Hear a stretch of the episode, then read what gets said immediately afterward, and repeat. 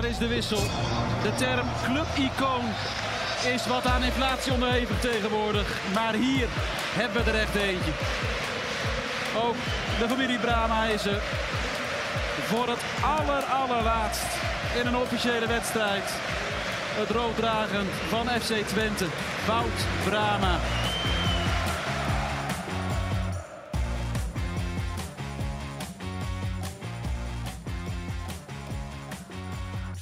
Welkom bij een speciale aflevering van de podcast De Ballen Verstand. Die staat vandaag volledig in het teken van Wout Brama. Wout, welkom. Ja, dankjewel. Aan de overkant van de tafel naast Wout zit Leon ten Voorde, clubwatcher van FC Twente.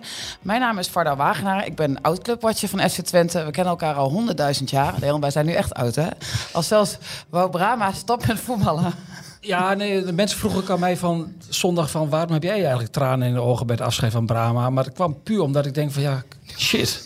Dat ik ben een stuk ouder geworden. Ik heb de hele carrière van die man van begin, van, van begin tot eind meegemaakt. Dat is pijnlijk hoor. Dus jullie tranen waren eigenlijk voor jezelf. Ja, eh, hij had het erover dat het een pijnlijke dag was, maar ja, eh, stiekem van binnen ging ik echt door, eh, ja, echt kapot. Nou, eh, Wout, jij uh, nam zondag natuurlijk afscheid als clubicoon van FC Twente. Wat mogen wij vandaag niet aan jou vragen?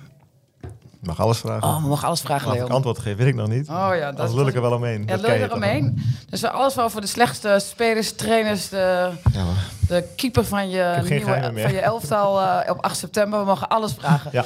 Maar, maar ik vond dat het best wel soepel net de trap op ging. Want het is best een eh, beklimming hier om hier te komen. Maar hoe is het met lijf, met oude lijf? ja, die voel ik echt heel erg. Nee, niet waar. Ja, echt. Die trap ook? Nee, de trap niet. Maar ik voel wel, als ik opsta, dat ik echt eh, last van de wedstrijd heb. Ja, zondag was voor het eerst in de basis. En dan 77 minuten. Ja, daar heb ik wel echt last van. Je hebt nog niet gepadeld. Nee, nog niet. Maar dat zou misschien wel goed zijn. Want dan kom je juist een beetje los. Dat vind ik wel leuk. Is dat je nieuwe passie? Niet nieuw, want ik heb dat wel eh, vaker gedaan. Maar het laatste jaar was ik veel geblesseerd. Dus dan is het wat lastiger. Eh, en ik wilde niet geblesseerd raken. Dus dan, ehm, ja, dan, dan moet je misschien het pedal even overslaan. Vanaf nu kun je dat Je gaan we verder niet op in.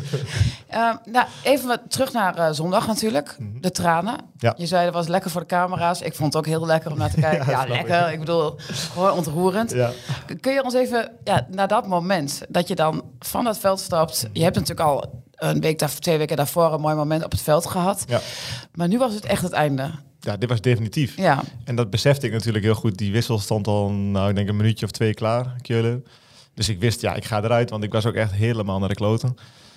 Ja, en dan komen die, die besefmomentjes komen natuurlijk allemaal een beetje bij elkaar. Ik was weemoed van, van ja, ik ga hier nooit meer staan. Dus dat, dat ga ik gewoon heel erg missen. Het voetbal en, en ja, in de Grolsvesten op het veld. Het was natuurlijk mooi weer. We, we gingen waarschijnlijk winnen. We stonden er goed voor. Ja, en dan dat is ook wel een beetje verdrietig. En tegelijkertijd was het een prachtig afscheid. Dus ja, de emoties gieren een beetje door mijn lijf. Hoe lang is het geleden dat je zo nerveus was voor een wedstrijd?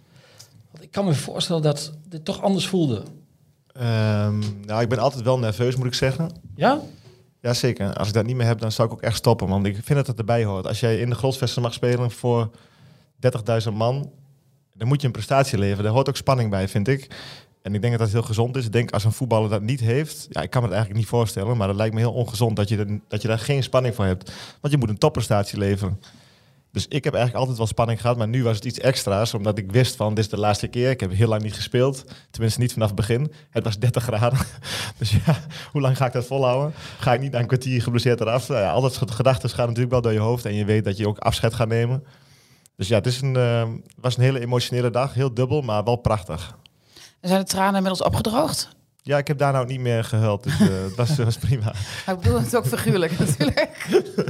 Ja, nee, zeker. Kijk, het is, ik ben, ben er niet helemaal tot het besef gekomen, denk ik, dat ik stop. Het voelt nu nog een beetje alsof ik gewoon de vakantie in ga en begin juli weer ga beginnen en zeg tegen Jozef Oosting van, nou, eh, mooi dat ik er ben en we gaan weer aan de slag. Ben ik weer. Precies, dus ik zei tegen Jan Strooij, ik zeg neem voor komende half jaar mijn voetbalschoenen nog wel mee naar het stadion, want als ik dit kan na, na heel weinig wedstrijden, dan moet ik dat volgend jaar nog wel kunnen. Werd hij gek? nee, nee, hij, hij zag al dat het een geintje was. Maar op je 36 met pensioen. Dat, dat is niet veel mensen gegeven. Nee, de meeste voetballers gaan eren, of bedoel je dat niet? Ja, eigenlijk niet. Nee. Ja, eigenlijk bedoel je van, jij moet nog 30 jaar Ja, en ik hij, een eh, beetje naar eh, mijn collega aan de overkant. Ja. Want Ja, nee, wij moeten iets langer doorwerken. Tot nu 66, wat is het? 67. 67 inmiddels al. Jij hoeft nog maar drie jaar. Ik wist dat deze kwam. Echt heel voorspelbaar. Maar het is best is wel gek, toch? Ja, het is in, in zoverre gek dat als je denkt dat ik nu niks ga doen, dan zou dat heel gek zijn. Maar dat is natuurlijk niet de bedoeling. Ik ben niet eh, ervoor gemaakt om nu eh, de komende jaren helemaal niks meer te gaan doen. Dus we gaan in ieder geval de komende tijd even rustig aan doen. Maar ik ga wel met de club in gesprek om te kijken wat we voor volgend seizoen Deze wil ik dus eigenlijk voor het einde bewaren. Sorry. Eh, Jij begint Ja, gewoon met het einde. Dan gaan we er dieper op in. Dan gaan we er dieper op in. Oké. Dan gaat hij eindelijk vertellen dat hij geen stagiaire wordt, maar iets anders gaat doen. Ja, dat hij, tra- dat hij maar- assistent-trainer wordt Hij of zo. boos dat ik er Maar goed, daar gaan we het er straks over hebben. Eerst even die afscheidswedstrijd Ja. op 8 september. Mhm. Eh, dat is mooi, dat is een mooi eerbetoon. Ja, prachtig. Wie zet je op de goal? Ja, de jongens die in 2010, 2011 waar ik mee prijs heb gewonnen. En die gaan waarschijnlijk spelen tegen een vriendenelftal van mij waar ik mee gespeeld heb. Oh, wacht. Oh, vrienden elftal. Ik wou zeggen, niet uit eh, gewoon het Enschede, de jongens die niet kunnen voetballen. Je bedoelt Bram- echt... Nee, nee, Maar de Bram van Polen. Dus je gaat... ja. Dus, nou, maar echt, oké, dus, maar dus dan is dat eh, Bosker of Michailov die op de goal staan. En dan... Bosker was kampioen in 2010. Ja, je zei 2011, en toen kwam Ja, eh. Michailov natuurlijk. Ja, klopt. Ja, Die nee. schud ik zo even met gelukkig. Ik denk dat het kampioensteam van 2010 wel een mooi team is om daar te hebben. Dus die ga je helemaal eh, opzetten. Als die allemaal willen komen, dan, dan wel, ja. Ruiz komt. Ja, die heb ik al gesproken. Theo Jansen komt. Is toch? Toch heb ik nog niet gesproken, maar het zou mooi zijn als die, eh, als die erbij is. Koevo? Dus, eh, ja, die, eh, die heb ik al wel gesproken. Dus die Oh, gaaf. ook. Wat zei die? ja, ik kom heel graag. En, hij- die, die jongens vinden het ook mooi om hier weer te komen. Ja. Dat merk ik ook als ik ze spreek. Dus die vinden het heel leuk om hier te zijn bij de Grolsvest in Enschede. Dat was voor hun ook een hele succesvolle periode. Dus die zijn heel graag weer hier terug. Zien al die mensen weer terug die er nog werken. Dus die komen daar ook wel graag hoor. Dat wordt wel echt een hele mooie dag. en wie is dan je... Maar Ronnie, Ronnie, die wil ook. Stap. Dat denk ik wel, ja. ja. Op nummer 10 weer, denk ik. Ja, die moet je wel even, dat hij gewoon weer eh rechtsback moet gaan staan. Dat, vindt hij, dat vindt hij wel lastig. Dat vindt hij lastig.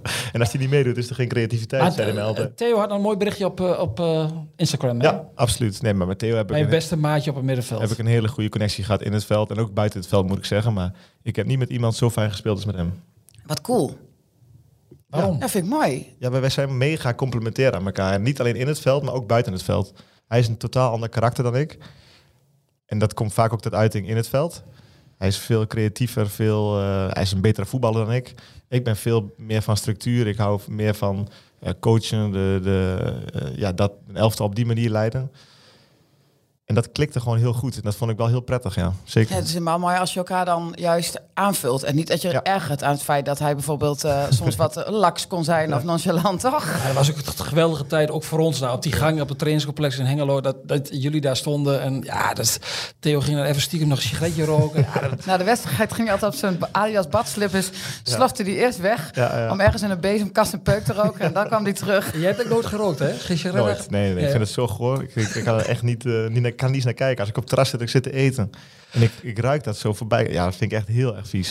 Ik zou er nooit kunnen, aan kunnen wennen. Nee, ik, ik deel die mening. En, en als je dan hebt over een... ik deel die mening inmiddels ook. Maar het heeft wel lang geduurd, moet ik Ja, maar eerlijk eh, melden. En, eh, maar goed, even los daarvan. Als je dan naar het vriendenteam gaat...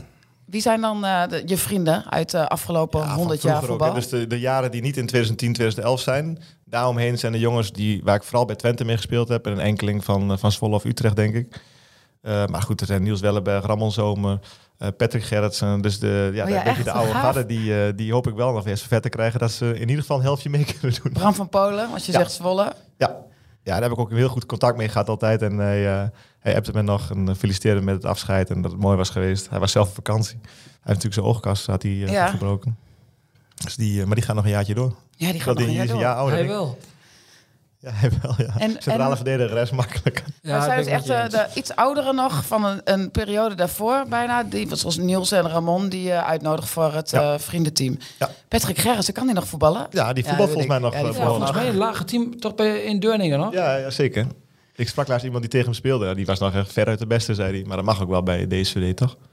Absoluut. En eh, Peter Wisgerhoff, die, welke kant staat hij?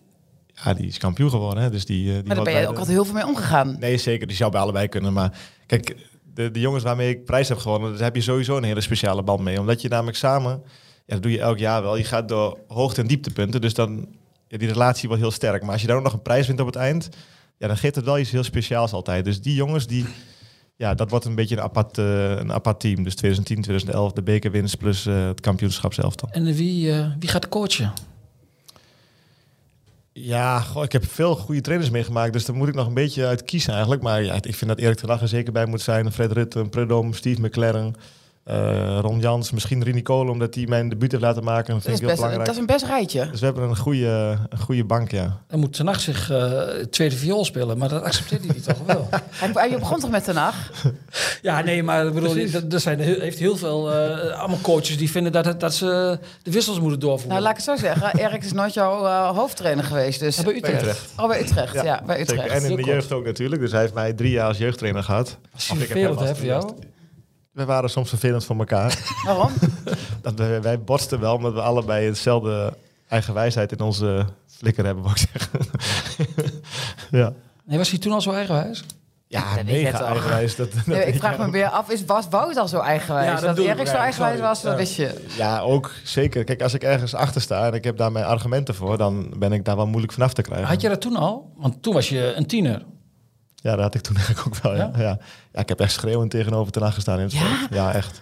Oh, de mooie kop, Leon. Brama, ik heb schreeuwend tegenover Ten Hag Moest ik, gestaan. moest ik mijn shirtje in de broek doen en dat vond, dat vond hij heel belangrijk. Ja, ik dacht echt, wat maak je je druk om? en dan riep hij over het hele veld, wauw, het shirt in je broek. En dan deed ik zo heel klein een beetje aan de voorkant in mijn broek. Ook je achterkant. ik weet niet of dat nog steeds doet bij de jongens van Manchester, maar Ja, Ronaldo wilde niet, daarom moest hij weg. ja, dat vond hij toen heel belangrijk. Ja. Zal dat dit, juist, dit zou ook een trainer de kop kunnen kosten dat hij dit soort dingen belangrijk vindt. Maar bij hem is het toch wel goed gekomen. Ja, en dit was in onder 16, onder 17, hè, dus dat was ook een andere tijd. Als jeugdspeler luister je wel wat beter dan, eh, dan als je echt al een arriveerde speler bent, denk ik. Als ik jouw eh, lijstje noem, hoor van alle mensen die komen, Leon, dan neem ik aan dat wij toch als eh, oude vandaag op de perstribune mogen zitten. Vind je niet? Nou, pestribune. Oh, je wil mee voetballen? Ereloge. We hebben die man groot gemaakt, hè? Dat Ja, moet, nee, dat klopt. Dat moet je niet vergeten. Ja, zeer dankbaar voor. Ja, Ja, ben je dankbaar ja, voor? zeker. Ja? Had ik het niet gered. Voor al die steun, altijd, al die jaren. Maar waarom ben je nu binnen het kwartier al cynisch? Jij denkt dat ik cynisch ben. Ja, omdat wij heel vaak cynisch tegenover elkaar hebben gestaan. Dus ik denk inderdaad dat dit cynisch is. Cynisme is mij totaal vreemd. Nee. Heb je last gehad van de media in jouw carrière? Nee hoor. Nee, helemaal niet. Ik heb dat ook nooit als vervelend ervaren. Ons niet? Nee, maar nee, überhaupt media niet. Ook Nee, wel- een uitzondering. Ja, maar je weet, kijk, het hoort erbij en dat hoef je niet meteen dan ook leuk te vinden. Dat snap ik wel. En er zijn ook momenten dat je denkt van, nou, eh, stel even een andere vraag deze keer. Want je krijgt wel vaak dezelfde vragen. Ah, ja, het is ook je spreekbuis naar de fans toe, zeg maar. Dat vind ik altijd wel belangrijk. Die willen gewoon dat graag horen. Die willen jouw ehm, jouw analyse horen of, wa- of wat dan ook. ehm, achtergrondinformatie. Waardoor ze ook een beter beeld krijgen van jou. En ja, ik denk dat er nog wel iets... Dat zou ik zelf veel leuker vinden om meer achtergrondinformatie van die spelers te krijgen. Want soms speelt er veel meer achter een prestatie dan, dan wij van buitenaf kunnen zien. En dat vind ik zelf veel interessanter. Maar dat is natuurlijk altijd wat wij proberen, maar Mhm. wat je heel vaak niet voor elkaar krijgt bij spelers. Nee. Omdat ze dus niet het achterste van hun tong willen laten zien. Ja. En dat heeft natuurlijk meerdere redenen. Maar ik denk dat een van de grootste redenen is dat je op internet meteen al die koppen ziet. En ja, dat nieuws gaat een beetje op de loop. En eh, in plaats van alles in context te krijgen, krijg je dan een, een, een kop waarop geklikt moet worden. En dat vind ik wel een irritante ontwikkeling. Ja, dat is ook een hele irritante Dat zou voor ontwikkeling. jullie ook irritant zijn. Ja, daar- is ook zo. Ja, daar hebben we wel veel last van. Ja, dat ik snap ik zie soms koppen en denk van welke idioot heeft dat gezegd? Ja. En dan ga ik het, klik ik het toch aan en dan blijkt dat het ergens het jezelf te zijn. dat ik het zelf gezegd heb. Dat komt bijna wekelijks voor. Ja, jouw teksten zijn ook altijd zo scherp, jongen. Echt niet Ja, normaal. Wat. Het- moet wat dimmen. Maar wat ik altijd wel enorm knap van jou vind, is Wout, is dat je meteen na eh, de wedstrijd nog vol in emotie echt zulke goede analyses hebt. Ja, maar ik zit ook niet meer vol in emotie. Nee? Nee. Ik heb die wedstrijd gespeeld, dus ik weet heel goed wat er gebeurd is. Dus het is voor mij ja, makkelijk, wou ik eigenlijk zeggen. Heb je, je hebt geen ik last vind van het een makkelijker als ik zelf gespeeld heb. Ja, ik vind het makkelijker als ik zelf gespeeld heb dan als ik aan de kant gezeten heb. Want dan ben ik veel meer met die wedstrijd nog bezig. Dan zie ik alles. Dan kan ik ook prima zeggen wat er gebeurd is. En ja, ik heb alles gegeven. Elke wedstrijd. Dus ja, daarna kun je verliezen en je kun je winnen. Ja, dat is nou eenmaal hoe de sport in elkaar zit. Dus ik heb daar niet super veel last van, nee, van een verlies. Ik denk dat ze thuis nooit denken van... Goh, wat is die man zagrijnig omdat we verloren hebben. Nee, ik heb mijn best gedaan en dan... Ja, meer zit er niet in. Misschien dat jij, Leon Tevoorde, hier wat van kunt leren. En Als Bomboys verlies ben je ongeveer drie weken van de kaart. Ik zit wel drie dagen in de depressie, ja. Ja, ik begrijp ik, ik, Ja, ik ik zit ook ademloos te luisteren. Wat, ja, Wout, je begrijpt er niks Nee, daar van? begrijp ik echt niks van. Nee. En hebben heel veel spelers hebben dat wel. Ja, maar het is geweest. Heeft, je hebt er helemaal niks aan, behalve dat je de lessen uit kan trekken. Dus je moet het wel analyseren. Maar om daar zagrijnig over te zijn, daar heeft niemand wat aan. Jijzelf niet, je omgeving niet. Nee, Het helpt gewoon niet. Nee, klopt helemaal. Wijze woorden van deze jonge man. Als jij nu... ehm, zelf eh, analist zou worden, Mhm. hoe zou je het dan aanpakken? Of journalist? In deze tijd?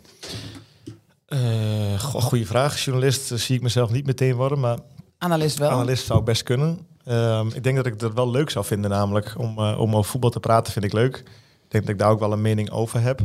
Maar ik, ik hoef niet meteen ehm, allerlei mensen te beschadigen of af te maken. Dat hoop ik niet dat ik dat ga doen. Dus op een nette manier daar kritiek op leveren kan. Dat moet ook, vind ik, want je moet wel je mening kunnen geven. Ehm, maar dat zal het komende jaar over Twente nog wel wat lastiger zijn. Want je moet je nog een beetje... Want je gaat... Oh nee, daar gingen we straks over Ik hebben. ken die jongens goed, dus dat is... eh, Ja, precies. Maar goed, je kent waarschijnlijk best wel veel spelers goed. Op dit moment nog. Maar Wout, hoe kan het dat... eh, je, je, vindt je, je hebt jezelf altijd omschreven als een modale speler. Ik vind dat je jezelf daar wel mee tekort doet, maar dat zie je. Hoe kan het dat jij zo mega populair bent... dat 30.000 man daar eigenlijk zondag met tranen in de ogen... ziet hoe die oude man van het veld schokt? En nu moet ik zelf gaan zeggen waarom ik zo populair Ja, ben. hoe, nee, maar hoe kan dat? Ja, dat weet ik niet. Een modale speler, wat je zegt, die een clubicoon is. Dat, dat, dat klopt waarschijnlijk niet helemaal. Waarschijnlijk is dat... eh, de- de- toch? Wat bedoel jij? Nee, maar hoe, heb, je, heb je daar een verklaring voor dat, dat, dat, dat, dat jij zo gewaardeerd wordt? Mm, Het enige wat ik kan bedenken is dat ik uit Australië ben teruggekomen toen de club op zijn gat lag. Dat het dat meegeholpen heeft. Maar ja, ja, geen idee. Daar ben ik ook niet heel erg mee bezig, moet ik zeggen. Ik ben bezig met presteren bij Twente. En daar, daar deed ik alles voor. En dat vond ik het mooiste beroep wat er was. Nog steeds. Dat vind ik nog steeds het mooiste beroep. En ja, dat het gewaardeerd wordt is heel erg fijn. Hè? Dan, elk mens vindt dat heel fijn. Eh, en ik zal daar ook nooit aan wennen dat mijn naam gescan- ge- gescandeerd werd in het stadion. Ehm, dus ja, ik denk dat elke speler dat heel graag wil. En mij is dat gelukt. En op welke manier het is gelukt, dat weet ik eigenlijk niet zo goed. Nee. Ik had wel eens een beetje te doen dat je altijd moest opdraven in de regio als de club weer een vertegenwoordiger was. Waar ben je overal wel niet geweest? ja, overal. Dat klopt wel. Ja, ik heb veldjes geopend overal. Ja, en, Wat is het gekste wat je hebt moeten doen? Mm, goh, dat zou ik zo niet weten. Ik vind het meest dankbare vond ik altijd als ik voor eh, kinderen die het heel moeilijk hebben, voor eh, in het ziekenhuis of eh, dat vond ik wel echt mega dankbaar. En nu ik zelf een kleine heb, is dat wel iets pittiger, moet ik zeggen. Maar ik vond het wel altijd heel fijn als ik dat weer gedaan had. En, eh, dat geeft jezelf toch wel echt een heel goed gevoel, moet ik zeggen, om even een beetje vreugde te brengen bij mensen die het moeilijk hebben. Want je ziet ook echt dat je vreugde brengt waarschijnlijk, hè? Ja, zeker. En dat hoor je ook terug van, van ouders. Of je krijgt het nog een keer als een berichtje terug. Voor een filmpje die je ingesproken hebt. Of, of wat dan ook. En dat heb ik wel heel veel gedaan in mijn periode, moet ik zeggen. Zeker de laatste tijd met social media, wat groter is geworden. En ja, als je dan terugkrijgt en, en een filmpje krijgt van iemand die een boodschap ziet van jou. En daar helemaal blij van wordt. Of, eh, of even verdriet vergeet wat hij heeft. Ja, dat is natuurlijk wel heel erg dankbaar. En terwijl het maar een hele kleine moeite is. En wat bedoel je van social media als grote in verhouding tot het ziekenhuis? Of bedoel Ze je... kunnen je heel makkelijk bereiken. Zo ja. Ja, dus als ik een aanvraag krijg, en ik moet zeggen, ik zit niet mega veel op, op social media, maar als er een aanvraag is die, die via Twente komt, dan gaat het natuurlijk via meerdere schijven. Nu kun je dat vrij direct bij een speler neerleggen. Dus dat is soms eh, iets te veel van het goede, maar ja, het is ook soms eh, wat dichterbij en wat directer. Leon, jij vroeg net aan Wout over... Je bent zo'n grote held. En, eh, en hoe kan dat? Want je omschrijft jezelf als modaal. Waarom is hij zo'n held geworden, denk je? Ja, Held is misschien een beetje een raar woord. Kijk, Kijk, superheld. Maar ja, er komen allemaal mensen het langslopen. En iedereen denkt, oeh, kijk, draai toch even om. Wout. maar die kijken niet naar ons, heb je de indruk? Nee, die indruk heb ik niet. Tot, tot 10 seconden geleden had ik dat gevoel. Ja, jammer dat, eh, voor jou dat ik deze... Nee, ja, hoe, hoe dat komt. eh, kijk, Wout heeft, eh, is natuurlijk een jongen van de club die vanuit de eigen opleiding is gekomen. Die helemaal het succes, die succesperiode heeft meegemaakt. Hij is kampioen geworden, hij heeft het Nederlands elftal gehaald. En de, de mensen herkenden wel, eh, zich wel in hem. Hij was altijd dienstbaar aan de ploeg. Eh, hij, hij wist zijn plek. Hij, hij had altijd een heel goed verhaal buiten, buiten, buiten het veld om. Ja, dus dat, dat is zo in die jaren is dat zo gegroeid. Dat hij eh, toch een, van, van een jongen van de club is uitgegroeid tot een icoon. En ik erg me enorm dat tegenwoordig iedereen een icoon wordt genoemd. Eh Ruud van Nistelrooy heeft drie jaar bij PSV het eerste gespeeld en wordt een icoon genoemd als, als trainer van, in- van PSV. Slaat helemaal nergens op. Maar hier, wij zitten hier echt met een icoon van FC Twente aan tafel. Iemand Zitten we hier met het grootste icoon van FC Twente aan tafel? ja, dan, dan, ik vind vergelijken, ik hou nooit zo van vergelijken, want dan moet je weer andere tijden met elkaar vergelijken. Kijk, eh, nu heb je ook veel meer Europese wedstrijden dan in de tijd van Epidrost. Laat ik, zo, laat ik het anders stellen. En hij, In welk rijtje clubiconen wordt, hoort Wout Brama? nou, wel, in- wel in, het- in, Hij zit er gewoon bij, hè? Maar- Hallo.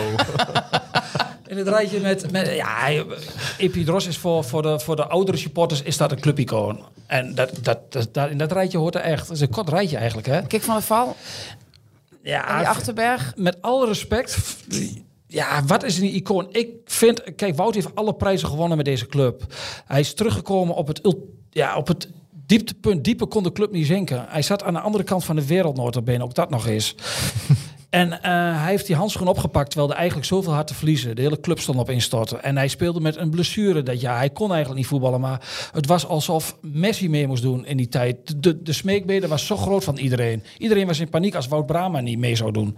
Ja, dat zegt wel iets. Was Epi dan groter? Heeft hij meer gedaan voor Twente dan eh, Maar- Wout? Kijk, maar Epi is... sa- Ik ken maak- Epi. eh, Ja, ik ken Epi wel. Maar Epi maakte deel uit van, de, van, eh, van het FC Twente, wat toen voor het eerst zeg maar, in opkomst kwam. Was wat, wat in Europa de, eh, eh, de finale haalde.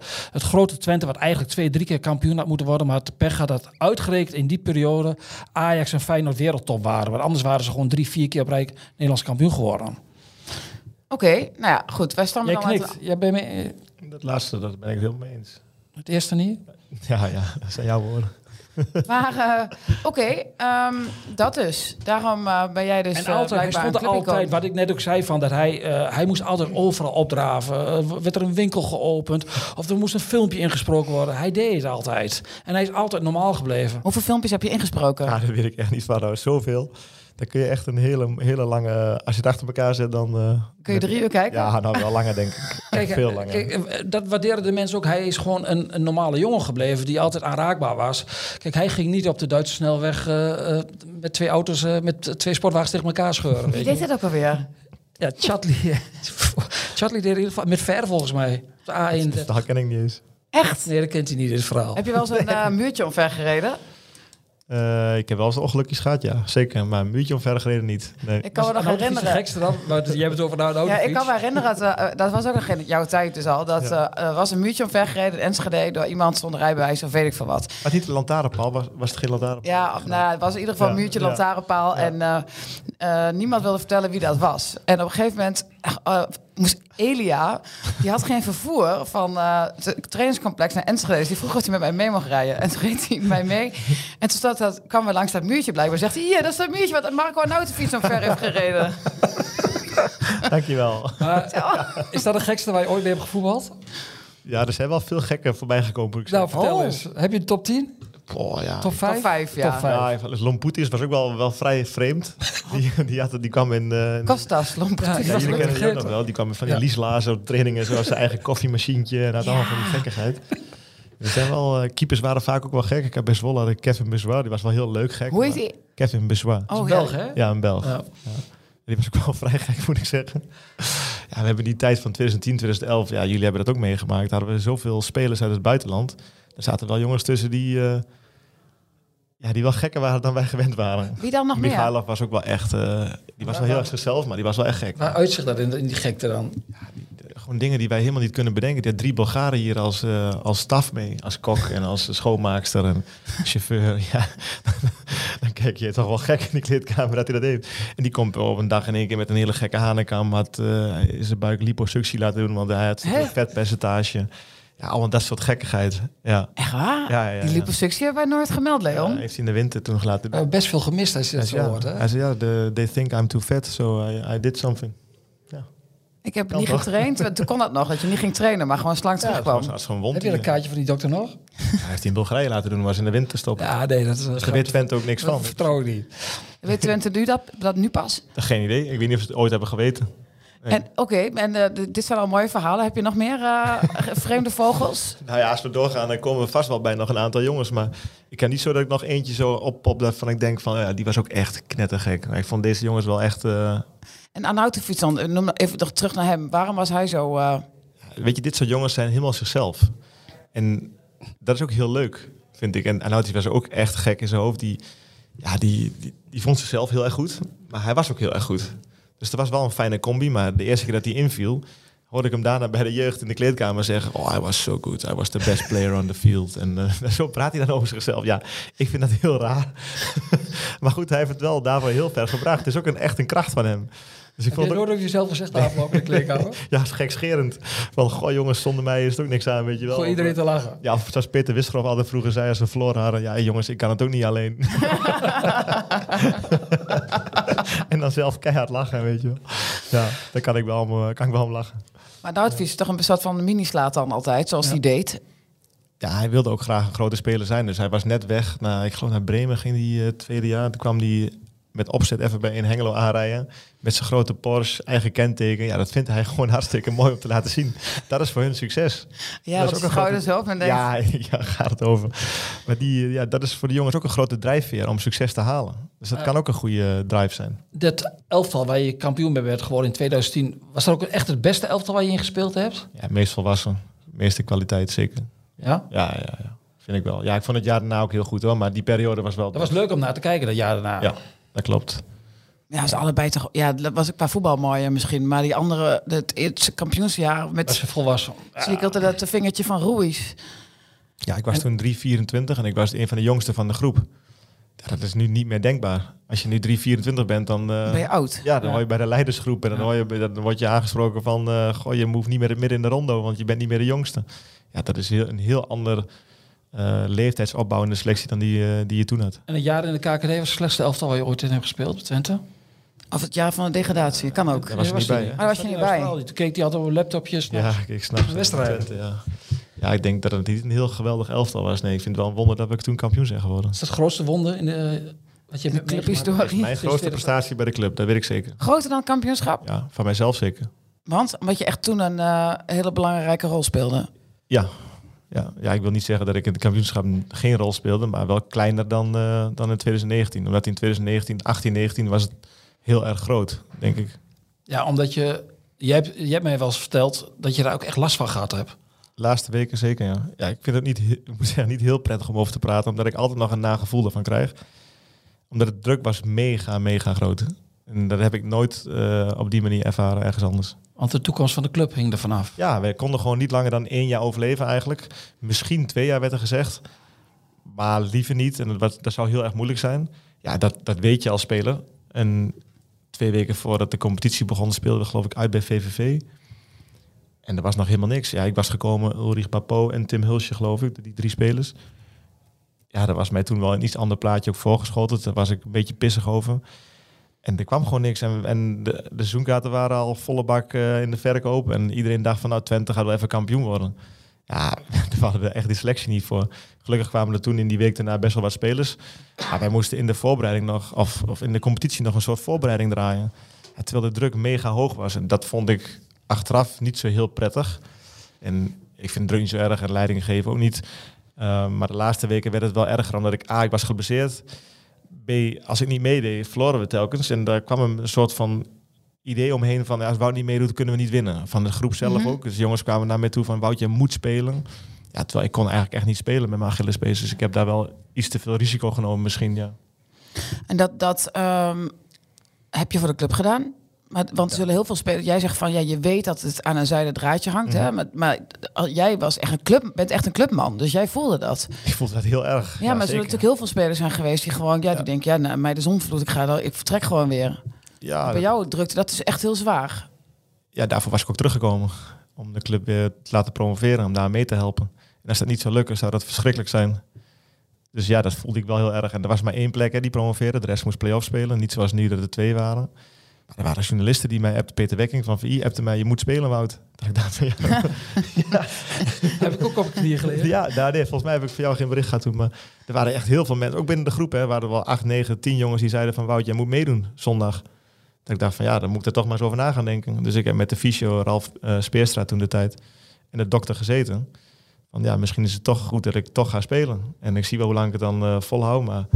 Ja, laten we nog een keer die behandeling in, in Duitsland doen bij Müller-Wolfa. Dat hielp me altijd wel een beetje. Maar ja, het is ook maar uh, percentagewerk. Kleine percentages.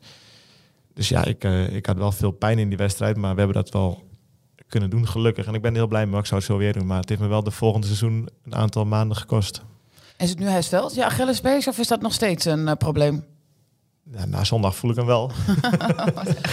maar dat is niet zo erg. Ik kan er wel gewoon mee sporten. Ik heb er tijdens voetbal nu geen last van. Maar als ik s ochtends opsta, dan uh, denk je niet van... Goh, waar loopt daar een jonge god? maar, maar als we, mag ik heel iets verder teruggaan? Hè? Heb jij toen... Maakte jij deel uit van, van, van Twente, vanuit de kleedkamer? Had jij toen ook het gevoel van dat het mis zou gaan? Hè? De, de hele financiële ellende die daarna over die club is uh, uitgestort, zeg maar. Die, toen ik terugkwam of toen nou, ik weg was eigenlijk? Ja, uh, ja dacht je van, dit gaat, dit gaat Ja, nee, sorry. Ik, was, ik, ben, ik maar luister dit- echt naar je, maar ik begrijp niet wat je bedoelt. Nee, Maar toen Twente bijna failliet ging, bedoel je ja, die die periode? ellende, dat, zag je het aankomen? ik bedoel, jij nee, hebt ook- nee, jij ik zag dat niet aankomen. jij Ik ging in hebt 2014 weg. Jij moest weg toen eigenlijk, hè? Ja, dat klopt. Alfred Schreuder die vond niet dat ik daar nog een plek in de selectie Mhm. eh, zou moeten hebben. Sorry. Ja, dat is prima. Dat mag hij vinden. Hij had hem alleen iets eerder moeten zeggen. Want hij had me daarvoor al een paar keer gevraagd van... wil je alsjeblieft bijtekenen, bijtekenen? Nou ja, een beetje een gekke situatie. Maar goed, ik ging naar Zwolle. En toen Je gaat er het... heel snel overheen. Dat is toch een hele gekke situatie? Ja, dat was wel een beetje vreemd, ja. Eerst vragen of je wil blijven en dan opeens ben je klaar. Ja, ik had afgesproken met de club dat ik tot 1 augustus zeg maar, de tijd zou hebben om eh, of mijn contract te verlengen. Dat had uh, Joop Munsterman ook al in de media eh, aangegeven. Ik geloof in jullie krant. Maar dat ze mij ook Oh, geloofden. stond hij ons toen nog te woord? Ja, maar dat ze ook mij de kans gaven om te kijken naar een mooi buitenlands avontuur. Nou, ik had eh Anderlecht afgezegd. Ik had wat clubs in Spanje afgezegd. Omdat ik niet vond dat dat mooi genoeg was om Twente te la- voor verlaten. We speelden geloof ik die voorronde tegen Karabach in, eh, in dat jaar. En daar vlak voor zei ik ehm, van ja, ik ga wel bijtekenen, want het duurt me allemaal veel te lang. En eh, laten we het gewoon doen. En toen zei eh, uit het niks zei Alfred tegen mij van ja, dat kan niet meer. En dat was voor mij een totale verrassing. Ik heb eh, de naam van Schreuder nu het zeg ook niet gehoord bij de trainers die eh, op 8 september naar Enschede komen. Nee, dat heeft daar ook al mee te maken. Ja, Ja, tuurlijk. dat snap ik. Maar, maar zag je de ellende aankomen? We- da- daarvoor, toen jij er speelde bij Twente, heb je nooit iets gemerkt van... hé, hey, dat klopt iets niet hier, eh, er wordt wel met heel veel geld gesmeten. Nee, want iedereen die geloofde daar ook wel echt in. De, er zijn daarvoor ook dingen gezegd en gebeurd waarvan iedereen dacht van ja, dat gaat echt nooit gebeuren. En dat gebeurde ook. Dus nee, ik had niet in de gaten dat het te veel werd uitgegeven. Of dat het, natuurlijk was het ontwens dat we een, een transfer van 5 miljoen deden. Of eh, salarissen die, waarvan men zei dat die heel hoog waren. Tuurlijk is dat wel gek. Maar ja, als speler geloof je dat toch? Dan heb je niet het idee van eh, er wordt iets heel doms gedaan. Want het, ja, we werden met heel goed beleid ook kampioen van Nederland. En dat werd daarna doorgetrokken. En ja, achteraf zijn daar fouten gemaakt.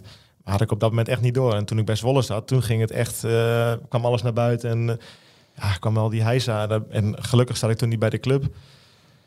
Eh, maar goed, van een afstandje doet het ook wel pijn natuurlijk. Dus bij Zwolle en, en overal in Nederland vond men ook het wel een beetje van... eh verdiende loon van Twente, Ja. weet je wel. Dat, dat voelde je ook heel erg. Ik heb echt staan juichen in, eh, in de kleedkamer van Zwolle toen, toen het niet failliet ging. Er stond nog Ja. één speler te Ja, juichen ja. en dacht iedereen, wat gebeurt hier? Ja, ja zeker. Dat was ook een hele spannende dag toen. Ja. Heb, je, heb je nog ooit wat gehoord van Joop Munsterman? Bijvoorbeeld zondag nog? Nee, afgelopen zondag niet, maar af en toe stuurt hij me nog wel een berichtje. En in 2000, goh, wanneer was dat 20 denk ik, heeft hij me nog even gebeld. Maar ik hoorde dat hij veel jongens gebeld heeft van het kampioensteam. Peter had hij ook gebeld, wist geloof. Om, er was een hele special op TV Oost geloof ik over, die, eh, over het kampioensjaar. En toen heeft hij nog eh, heel veel mensen gebeld over, om daar even over te hebben. Oké. Hij heeft ons niet gebeld, Leon. Dat is best gek. In het kader van therapie had dat best gekund. Nee, ik ben Joop wel heel dankbaar hoor, dat hij, eh, dat, dat, ik ben door hem ook kampioen geworden. En daardoor heeft de club ook dit mooie stadion. En natuurlijk zijn er daar dingen ook fout gegaan, dat, dat weet ik ook wel. En dat is niet goed voor de club geweest, maar ja, hij heeft ook wel dingen goed gedaan. Nee, absoluut. Dat heeft hij ook. Ja, nee, dat is ook zo, ja, dat- natuurlijk. En dat menen, wij, ook- dat menen wij ook. En het is nu ook omdat het nu weer heel mooi en goed eh, mooi is en goed gaat, Mhm. is het toch een meer geschiedenis geworden of zo, vind ik. Ben je, Ja, snap je wat ik is bedoel? Dat je, geworden doordat we, doordat we gedegradeerd zijn. Ja. ja. Ik denk dat eh, de club misschien wel heel goed heeft gedaan. Achteraf, met de wijsheid van achteraf, is het heel goed geweest. Ook het, het besef dat eh, de blijdschap gewoon met de tweede ronde, eh, voorronde van de, van de Conference League afgelopen zondag. Die blijdschap, dat, dat is het pure bestaan van de voetbalsupporter. En dat is weer helemaal terug bij Twente. Ja, als je ook ziet, de play-offs is het uitverkocht. Nou, normaal als wij play-offs speelden, dat is wel een tijdje terug trouwens, maar 22.000 man denk ik, Ja. 23. Dan zit je nog aan de max in Nederland. hè? Ja, en nu is het tijd uitverkocht. Wout, wie was de beste speler waar je ooit mee gespeeld hebt? Mm, ja, ik kan niet echt eentje noemen. Ik vond er wel een aantal echt heel erg goed. Ik vond Chatley heel erg goed qua talent. Die kwam van AGOV en was de eerste training eigenlijk meteen de beste. Vond ik ongelooflijk. Eh Ruiz was fantastisch. Theo Jansen was heel erg goed. Zeker dat, dat je weet dat hij ook nog een beenbreuk heeft gehad. En eigenlijk dus minder was dan dat hij daarvoor misschien wel was. Mm, Arnautovic was qua talent heel erg goed. Nou, daar heb ik de beste denk ik wel een beetje gehad. En heb je ook spelers waarvan je denkt, die ben ik eigenlijk vergeten? Die niet zo goed waren? Als ik ze vergeten ben, dan, dan weet ik dat nu niet meer. dus nee, dat kan ik niet echt zeggen. Ik zat net te denken, dat hele elftal uit de KKD ken ik bijna niet meer. Aitor. Dat is de enige die ik altijd nog eh, boven kom drijven. En de trainer, omdat Ja, hij... ook- Espinoza die speelt nu de Kings League in Spanje, geloof ik. Dat is van eh, Piqué die dit opgezet heeft. Dus die is niet echt meer professioneel voetballen. Ja, die Oosterwijk gestopt. Tom Boeren. Een reserve bij NAC. Nak, Oh, nou ja. Peet Zo. Bijen gestopt. Ja. Nacho Monsalve, kampioen geworden in de tweede divisie van Polen. Wie? Nacho. Oh, Nacho. Ja, dit, dit is me echt te vaag. Erg, hè? Die dat knappe, je die knappe man, meer weet. weet je wel. Nee, dat weet Dat ik niet meer. niet Nee, zelfs dat weet ik niet meer. Nee, dan is het wel heel erg gesteld. Wie was de beste trainer? Ja, ook daar kan ik niet echt kiezen. vind ik heel moeilijk. Eh, die, de trainers die ik Moet net, kiezen. ja, de trainers die ik net genoemd heb, vond ik allemaal echt geweldig. En ik heb van Fred Rutte, denk ik, in mijn beginfase van mijn carrière echt heel erg veel geleerd. Daar, ben- daar, die ben ik daar heel erg dankbaar voor. Die heeft mijn spelen ook echt wel veranderd. Ik speelde meer vanuit stilstand en hij vond dat ik veel meer vanuit de beweging moest spelen. Die heeft me echt een andere voetballer gemaakt. En ondanks dat ik daar weinig gespeeld heb, heb ik daar wel echt heel veel waardering voor. Ehm, ik vond Ten Hag ja, een geweldige trainer. Daar kon ik mee lezen en schrijven. Dat vond ik heel prettig. Ehm, ja, mijn halfjaartje gehad als hoofdtrainer bij Utrecht, maar ik kwam daar binnen. En ik had maar een week de tijd voordat wij die, de eerste wedstrijd zouden spelen, want ik kwam in de winter. En hij had twee presentaties al helemaal voorbereid. Eentje van mijn positie en eentje van de hele, van de hele selectie. En ik heb daar denk ik een uur met hem en, eh, en misschien wel anderhalf uur met die videoanalist gezeten. Alex Abrest, die nu naar Antwerpen is gegaan bij Van Bommel. En nacht zat ik daar in dat trainingskamp. En ik vond dat geweldig. Ik vind dat ook heel leuk om over te hebben. Precies mijn rol, elk beeld zo. Waar moest ik heen met druk zetten? Waar moest ik heen met, eh, met balbezit? Links, rechts, verschillende systemen. Ja, ik vond het heel geweldig. Ja, vond ik echt leuk. Er wordt echt niks aan toeval overgelaten bijna. Nee, het was echt eh, minutieus eh, uitgewerkt. En ik had ook maar weinig tijd om me aan te passen. Dus ik vond het ook heel leuk en heel fijn dat hij mij zoveel informatie gaf waar ik me aan vast kon houden. En dat vind ik voor goede trainers.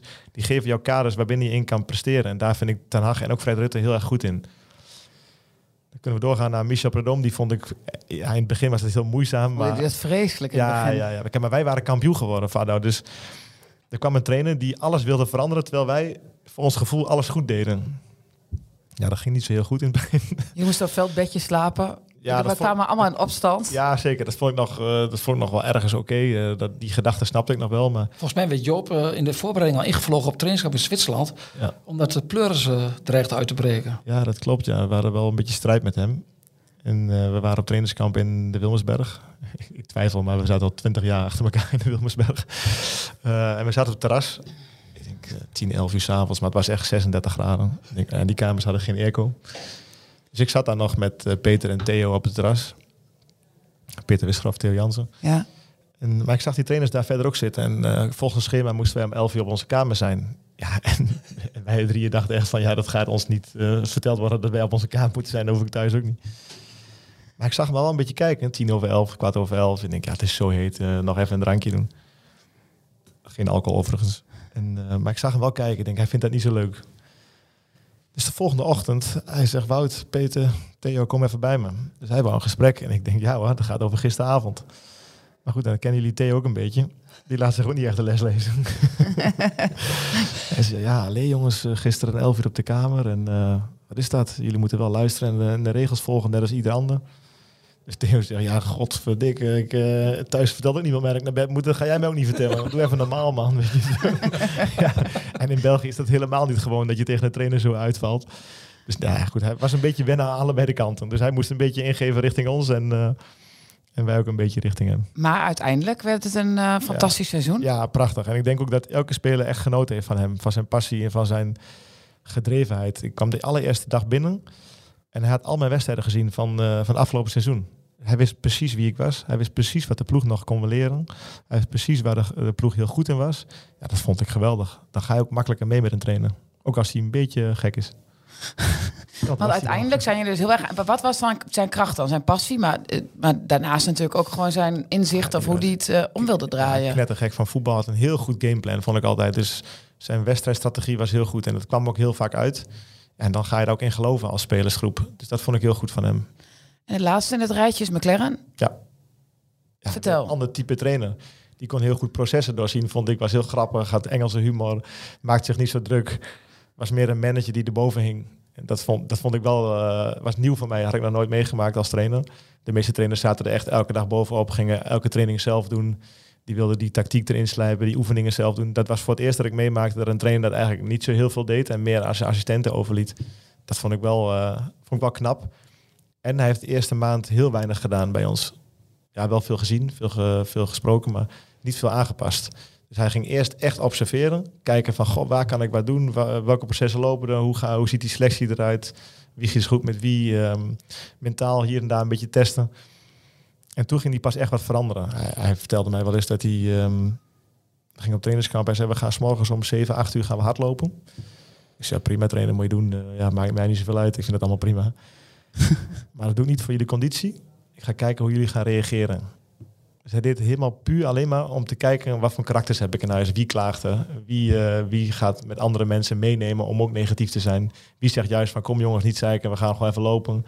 Wie was jij Ja, in dit rijtje? Vertel eens, wie- wie ging er klagen? jij? Die ging er saboteren. Ja, goed, dat weet ik aan niet. Maar je kunt ze wel uittekenen. Ja. Die jongens zoals Marco Nautovic, die willen niet om acht uur s ochtends gaan boslopen. Want daar hebben ze geen zin in. Ik denk, ja, weet je, ik ben goed in lopen. Dat boeit me niet zoveel. En je wordt er nog beter van ook. En in de voorbereiding kun je die input leveren om daarna daar profijt van te hebben. Dus ik vond het ook niet zo heel erg. Ja, en, hij, en ik wist van hem dat hij dat op die manier deed. Dus ja, ik, eh, ik was niet helemaal de juiste persoon om dan ook daar eh, eh, goed op terug te En maar hoe reageerde bijvoorbeeld Koevo als hij om acht uur s ochtends moest boslopen? Dat deed hij wel. Die vond ik Ja? niet zo erg. Hoor. Nee, Nee? Was een uitstekende prof. Echt. Ja, dat geloof ik ook wel. Maar ik kan me voorstellen dat eh, zo iemand wel denkt... Perez die wilde nooit lopen. en toen stopte hij met voetbal, ging hij marathons lopen. Toen dacht ik, ja, hallo, wie hallo, nu wel. Ja. Jeetje. Ik heb marathons voor hem gelopen, weet je wel, in het veld. En dan gaat hij nu in één keer hardlopen, omdat hij het zo leuk vond. Ja, Ja, dat, je moest eh, heel wat gaatjes dichtlopen. denk- ja, ja, zeker. Maar ook dat, kijk, dat klopte wel bij elkaar. Ja, ik ken het, we speelden ooit uit, of thuis tegen Volendam.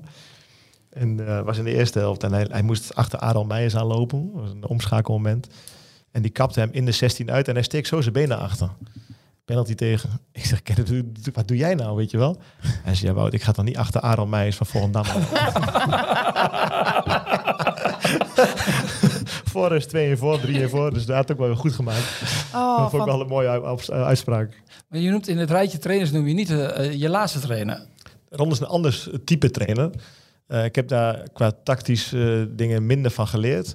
Maar qua, mens, qua omgaan met mensen vond ik hem wel echt heel erg goed en echt buiten categorie. Dus daar heel veel vertrouwen geven aan de jongens, heel veel geduld hebben met jongens. Daar zou ik zelf veel eerder denken van, ik ben er wel een keer klaar mee, weet je wel. Dat, dat kan hij echt als geen ander. Dat vind ik heel knap van hem. Hij, eh, hij wordt niet meer zo snel gek. En hij heeft de laatste twee jaar ook wel een andere rol aangenomen. Hij heeft de assistenten weer, wat ik eigenlijk bij McLaren net ook zei, dat heeft hij ook meer gedaan. De assistenten meer de, de diepte in en de inhoud en ehm, de tactiek laten doen. En zelf een beetje daarboven hangen en, en hier en daar een gesprek met een speler. Iedereen een goed gevoel geven, eh, veel vertrouwen geven. Daar, daar vind ik hem echt heel erg goed in.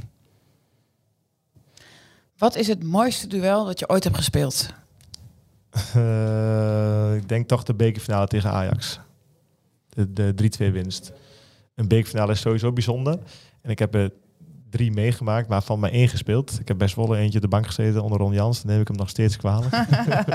dat is hierbij even gezegd. Daarom hoort hij niet in dat rijtje. Het is gewoon rancune. Nee, helemaal niet. Nee. Ehm, en ik heb er onder McLaren ook eentje niet gespeeld. Daar heb ik het hele jaar gespeeld. En toen hij- ja, dus liet hij TUT spelen, want die was frisser voor zijn gevoel. Nou, prima. Dus het was de enige week die ik zelf gespeeld heb. Ehm, en gescoord. Eh, laatste minuut in de verlenging winnen. Tegen Ajax, waarin we in die tijd zeg maar, de prijzen een beetje mee aan het verdelen waren. was echt een goede strijd. We zijn in die ene week toch van eh, ja. Ja. de waarheid. En dat ja, Ja. week Het daarna was ook kampioen. finale. Hè? Die, die, die, Ja, die alle kanten opging. Ja, scoreflow was geweldig. 2-0 achter en 3-2 Ja. winnen. Ja, was in alle opzichten vond ik dat wel een hele bijzondere wedstrijd. en een week later was het het dieptepunt. Ja, hoe langer, ik, hoe langer het geleden is, hoe meer ik dat echt pijnlijk vind. En laatst nam Siem de Jong afscheid. En toen zag ik al die beelden weer terug. Want eh, ja, voor, voor Siem de Jong is bij Ajax dat het mooiste moment. Dat ze die dertigste landstitel volgens mij binnenhaalden.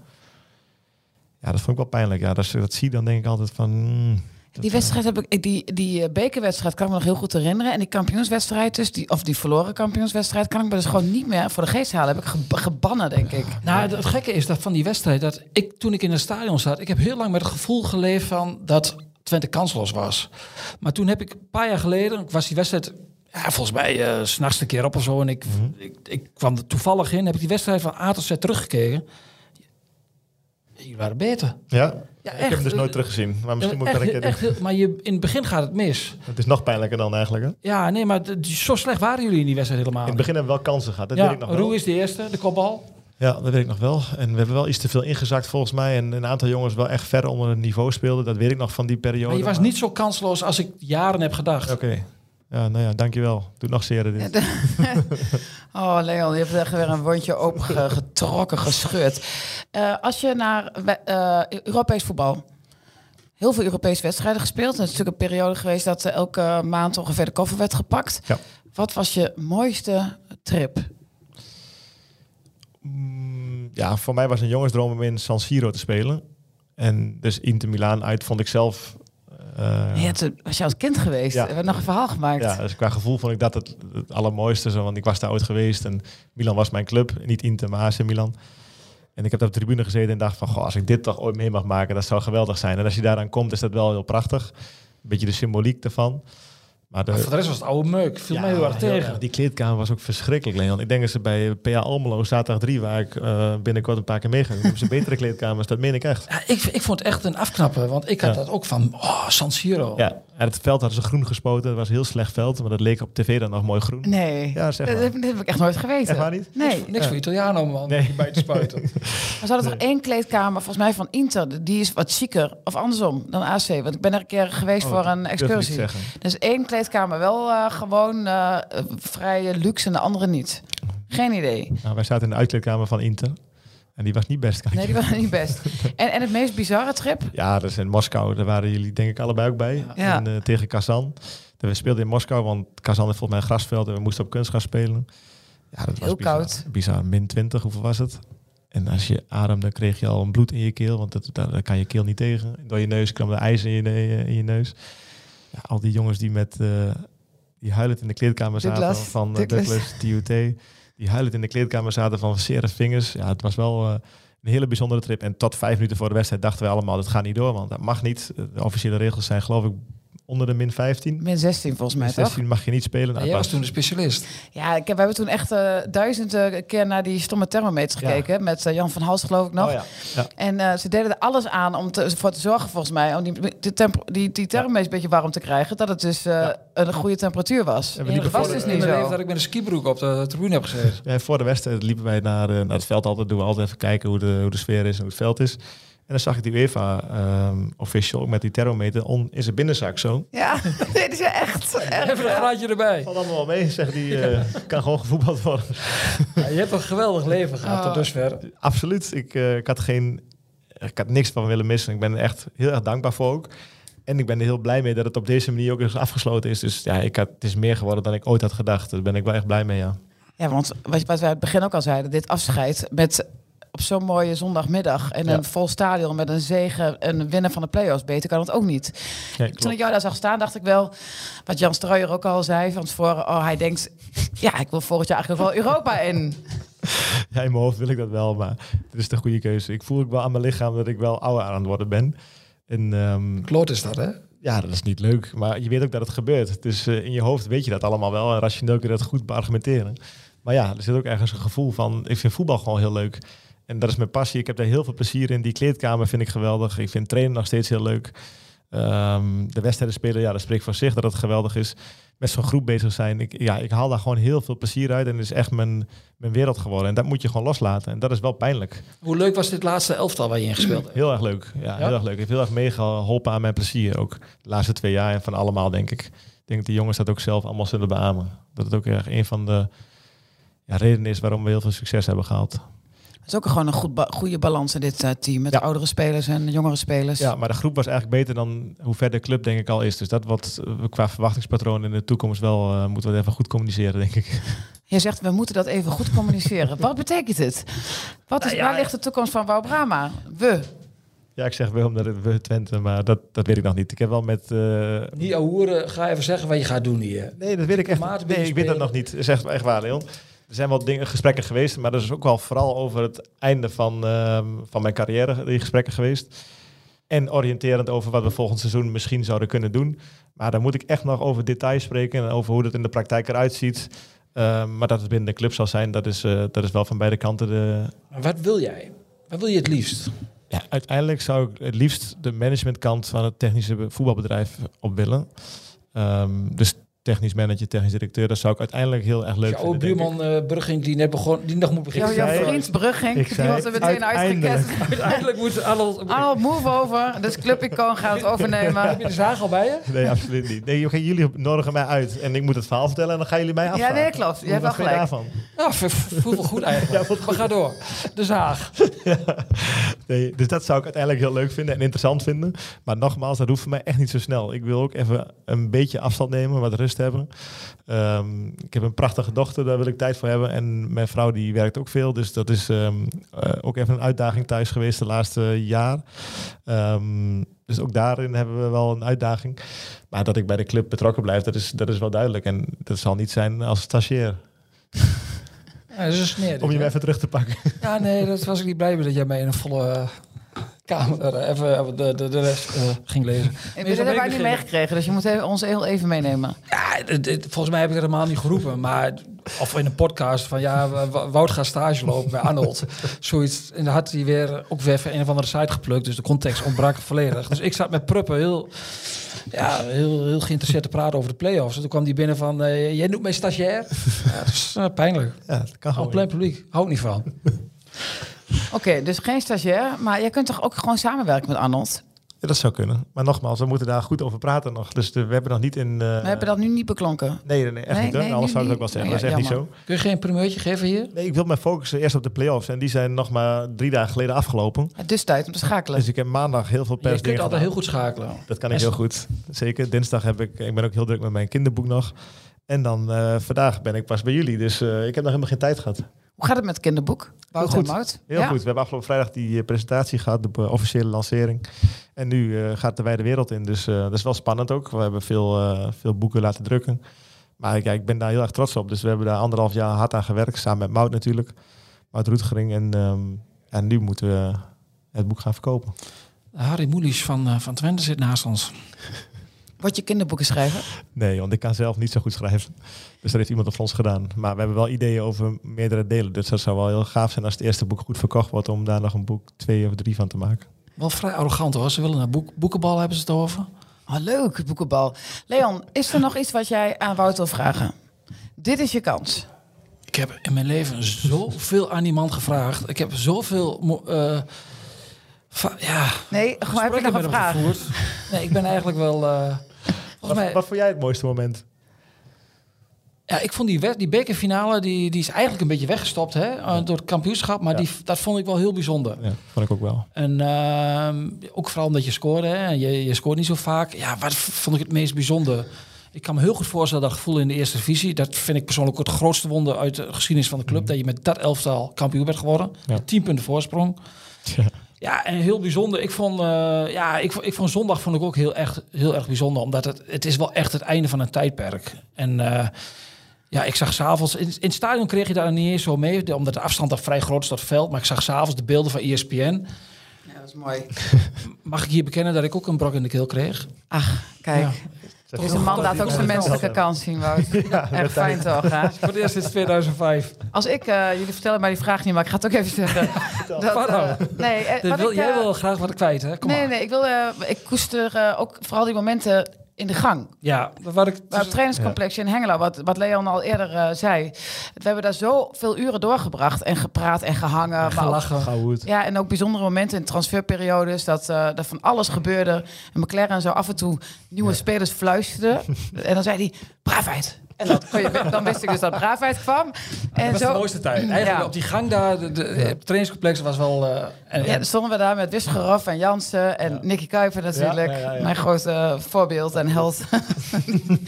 en nee, het was, eh, dat, dat, dat koester ik eigenlijk nog meer dan alle andere momenten. Tuurlijk was het fantastisch wat, eh, wat er allemaal gebeurd is. Nee, dat was wel bijzonder, absoluut. Wout, heb jij zelf nog iets eh, wat je met ons wil delen om deze podcast af te sluiten? Wil je ons misschien nog bedanken voor...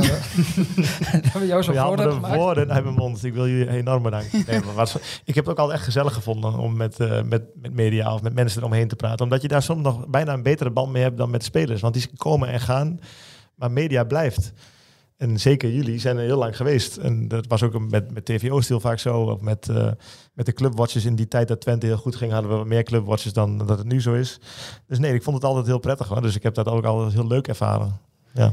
Nou, als je dan ons ook de primeur geeft van je nieuwe baan, dan eh, kunnen we dit mooi eh, het- Dat is Afsluiten. helemaal rond. en weer al opnieuw. een primeur toch? Voor de afscheidswedstrijd.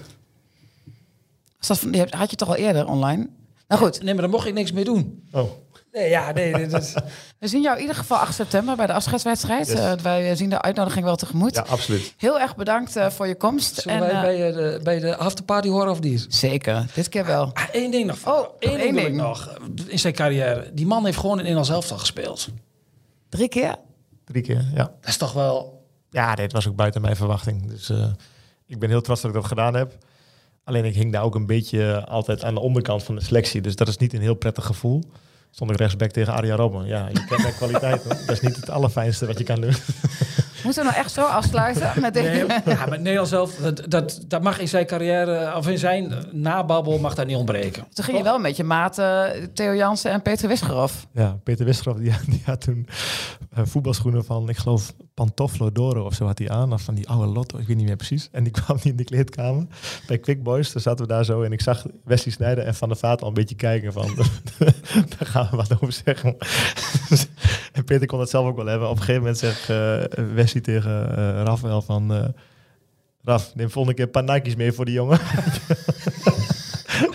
En Peter dan- kon daar zelf ook hartelijk om lachen. Maar dan heel- op een hele dodelijk cynische manier. Ja, zeker. Maar die, die jongens waren, die waren wel van de humor. Want die waren zo goed. Die zaten daar super relaxed in die kleedkamer. Die, dat boeide ze allemaal helemaal niks. Die, waren, die konden zo goed voetballen. Hoeveel appjes heb je nog gehad van die gasten bij je afscheid? Niks. Maar dat hoeft ook niet. Ik heb daar ook maar zo kort gezeten. Als ik ze zie, dan geef ik ze echt van de hand. En dan zullen we elkaar nog wel kennen. Maar het is niet zo dat ik daar hele goede vrienden mee ben geworden. Nee. Ah, Kijk, deze anekdote hadden we anders niet Nee, gehad. eens Leon. Ik ben, eh, ik ben heel blij met je nabrander. Eh Wout, heel erg bedankt. Bedankt voor alles, jongen. gelijks. Bedankt voor alles. Yes. En eh tot Dankjewel. snel. Je hebt dit podium verdiend hier bij ons.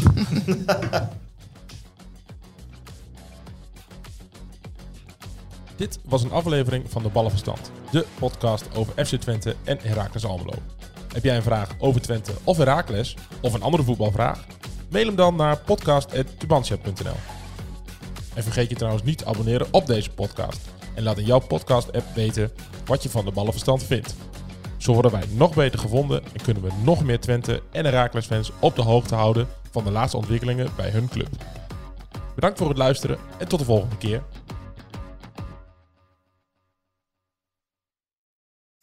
We worden dagelijks overladen met overbodige informatie. En het is moeilijk de zin van de onzin te scheiden. Daarom vertrouw ik op echte journalisten in plaats van meningen. Een krantenmens heeft het gemakkelijk. Word ook een krantenmens en lees je favoriete krant nu tot al zes weken gratis. Ga snel naar krant.nl. Bezorging stopt automatisch en op deze actie zijn actievoorwaarden van toepassing.